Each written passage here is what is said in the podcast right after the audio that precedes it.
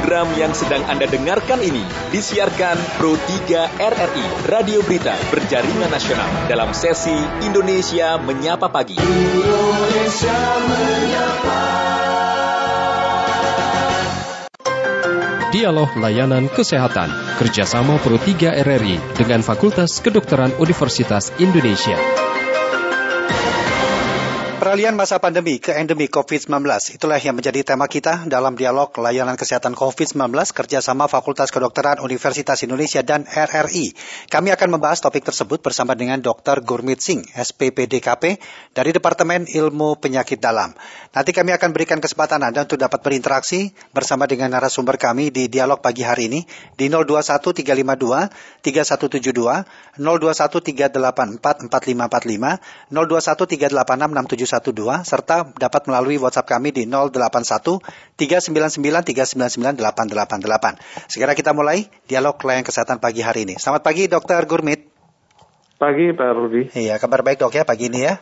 Iya, baik Pak. Baik, peralihan masa pandemik ke endemik COVID-19. Sebenarnya kita itu masih masa pandemik atau sudah bertransisi secara perlahan ke masalah ke masa endemik ini? Iya, iya Mas Rudi. Jadi ini uh, pertanyaan ini juga saat ini sedang menjadi hot issue, hot issue di luar negeri ya. Mm-hmm. Kalau kita lihat per definisi ya pandemi itu uh, jumlah kasus ya kan hari ini contohnya seribu, kemudian besok langsung meningkat jadi tiga ribu lima ribu. Nah jadi ada penambahan kasus yang sangat signifikan dan juga terjadi di berbagai negara. Jadi banyak negara yang mengalami hal tersebut. Nah sedangkan kalau endemi itu contohnya hari ini kasusnya seribu, besok hanya nambah sepuluh, seribu, hmm, sepuluh, atau bahkan berkurang sembilan ratus. Dan dia mudah dikontrol, artinya transmisinya itu tidak terjadi uh, seperti yang saat uh, kehebohan varian Delta.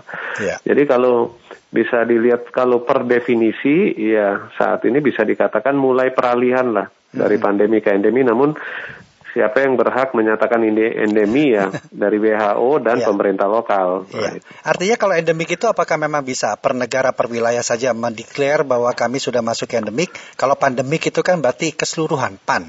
Bagaimana ini, Dok? Iya, jadi ini kembali lagi uh, sesuai definisi dari WHO, uh-huh. itu apabila sesuatu penyakit prevalensinya atau kejadiannya itu bisa ditekan kurang dari 5%, itu dinyatakan terkontrol sesuatu penyakit ya di daerah tersebut. Jadi dinyatakan status endemi. Ya. Nah, kalau lebih dari lima persen itu statusnya belum terkontrol dan hmm. apabila terjadi di uh, berbagai negara secara serentak ya itu masih pandemi. Ya, kesiapan kita khususnya dalam masa peralihan dari pandemik ke endemik itu bagaimana, Dok, selama ini?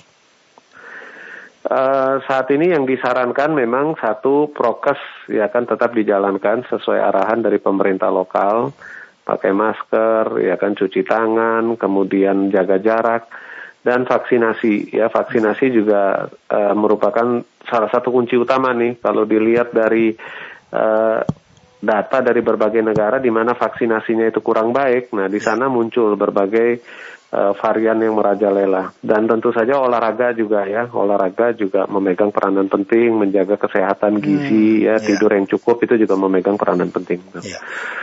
Baik. Kalau kita melihat beberapa waktu lalu Singapura, Singapura menjadi salah satu negara yang juga mendeklar dirinya masuk ke era endemik ketika itu. Bahkan uh, menyatakan berdampingan dengan uh, COVID-19. Tetapi tidak lama setelah itu kasusnya melonjak cukup tajam. Artinya uh, masih bisakah uh, prevalensi kasus itu dijadikan sebagai indikasi sebuah wilayah dari peralihan dari pandemi ke endemik ini, Dok? Iya, sampai uh, saat ini sih dari per definisi WHO masih memakai ya? uh, patokan ya yang lima persen. Hmm. Nah ini kita nggak tahu ya, kadang uh, sudah mulai terkontrol, namun uh, dibuka lah ya uh, apa bandara untuk yeah. kedatangan ya berbagai turis dan lain-lain. Ya itu mulai muncul lagi kasus-kasus. Namun selama masih bisa terkontrol dalam arti uh, ya kasusnya itu gejalanya ringan, bisa perawatan jalan, hmm. ya kan rawat jalan dan tidak menyebabkan kehebohan seperti uh, varian Delta ya rumah sakit sampai penuh, ya, ya itu berarti uh, terkontrol juga Pak Rudi. Ya. Artinya bisa dikatakan bahwa saat ini beberapa sektor mobilitas masyarakat, sektor ekonomi dibuka tentunya juga melihat kondisi yang ada yang sudah mulai bisa dikendalikan dengan baik, begitu dok ya? Iya. Mhm. Dan apa nanti yang harus dihadapi atau yang dipersiapkan betul ketika kita sudah mendeklarasikan diri masuk ke zona endemik ini? Ya, sementara ini masih disarankan tetap ya prokes tetap dijalankan ya, yang sesuai ditetapkan pemerintah dan vaksinasi ya vaksinasi mm -hmm. itu kunci ya kunci utama juga tuh salah satu kunci utama ya dalam hal pengendalian uh, eh, COVID-19. Tentu saja vaksinasi juga kita mengikuti aturan dari pemerintah ya. ya. Siapa yang uh, diutamakan, nanti boosternya siapa yang diutamakan, jenis vaksin apa. Ya kita tinggal mengikuti aja arahan dari pemerintah. Ya. Selain vaksinasi yang capainya akan terus digenjot, kemudian tadi dikatakan protokol kesehatan. Mungkinkah itu indikasi juga dikatakan bahwa jika kita sudah berperilaku terhadap uh, protokol kesehatan itu sudah bisa dikatakan kita siap sekali untuk masuk ke endemik? Iya, uh, tentu saja uh, selain tadi protokol kesehatan, vaksinasi, Uh, di endemi ini juga dinyatakan uh, penyakit tersebut tidak membahayakan, hmm, tidak mematikan. Ya, Jadi ya. nanti uh, bisa seperti flu biasa saja. Itu hmm. flu biasa juga kan uh, salah satu jenis ya coronavirus, namun tidak mematikan seperti uh, COVID-19.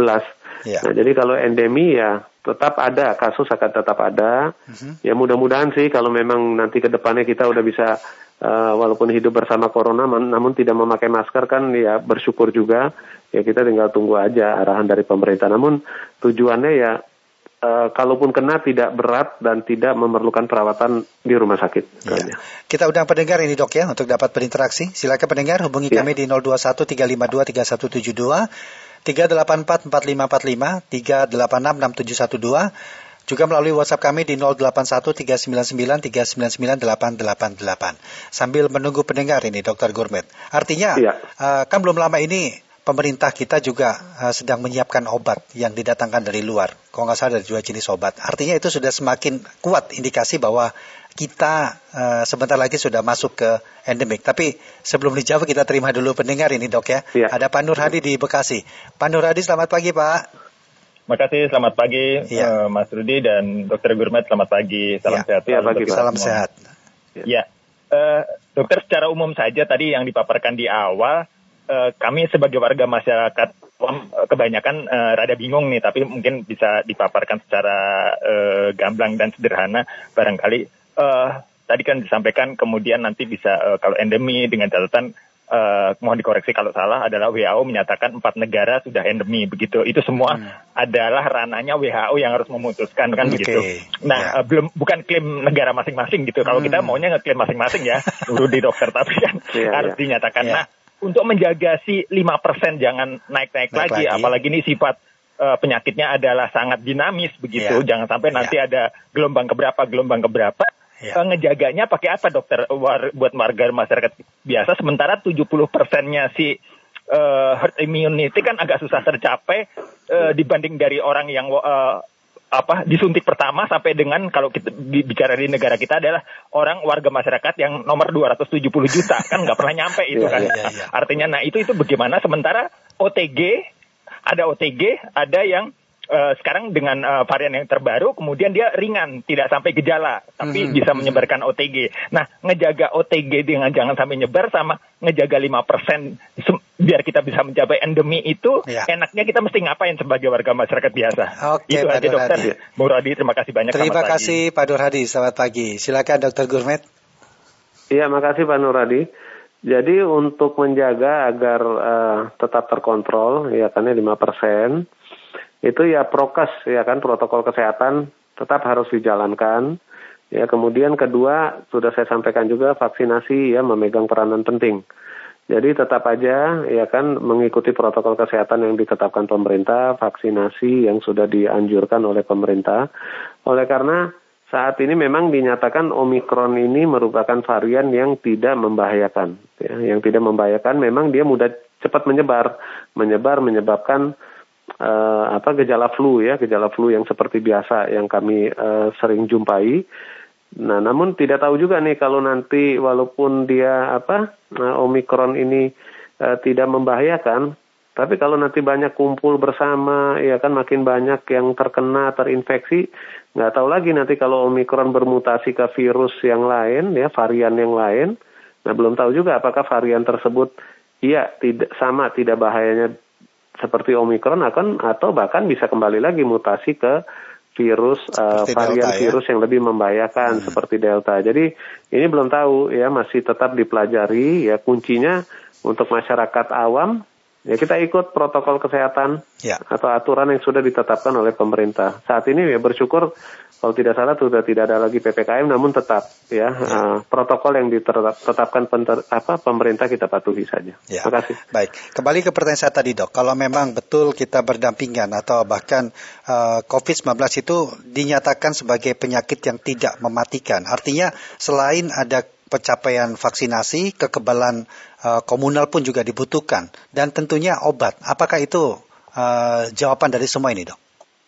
Ya, jadi saat ini uh, sudah ada dua jenis obat, ya satu molnupiravir dan satu lagi uh, Plax Covid kalau tidak salah itu uh, dua obat yang dibuat oleh perusahaan uh, raksasa ya di uh, luar negeri. Yeah.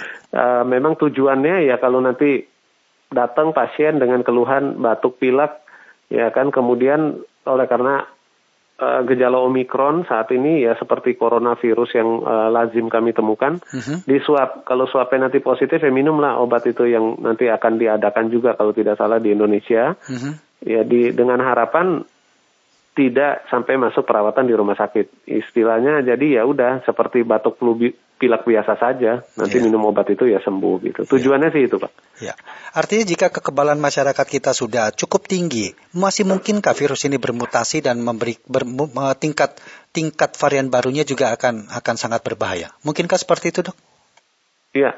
Jadi kalau masalah uh, mutasi memang sebelum adanya corona apa COVID-19 juga uh, virus ya kan berbagai jenis virus itu tetap akan bermutasi ya oleh karena virus juga memerlukan reservoir ya kan tempat untuk hidup ya kan dan dia hanya bisa hidup di dalam sel ya kan di dalam uh, jaringan ya kalau kita bilang jaringan uh, tubuh manusia. Jadi dia akan tetap uh, bermutasi ya. Namun apakah dia bermutasi ke arah uh, yang membahayakan atau tidak ya hanya waktu yang bisa uh, menunjukkan.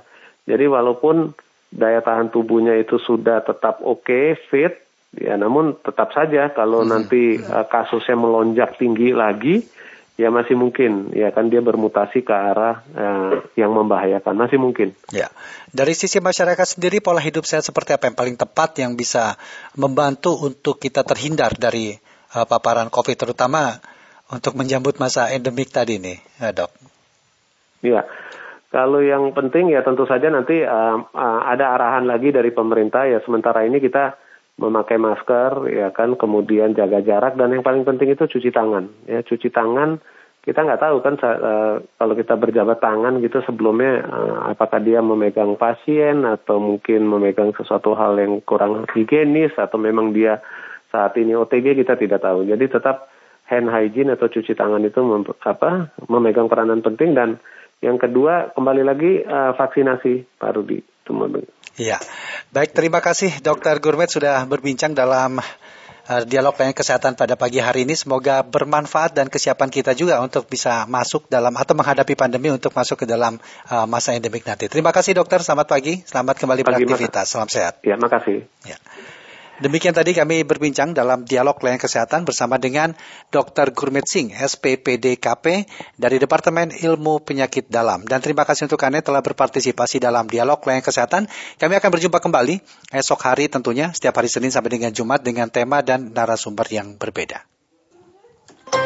Demikian dialog layanan kesehatan kerjasama Pro 3 RRI dengan Fakultas Kedokteran Universitas Indonesia. Acara ini bisa Anda dengarkan setiap Senin sampai dengan Jumat pukul 9.30 waktu Indonesia Barat.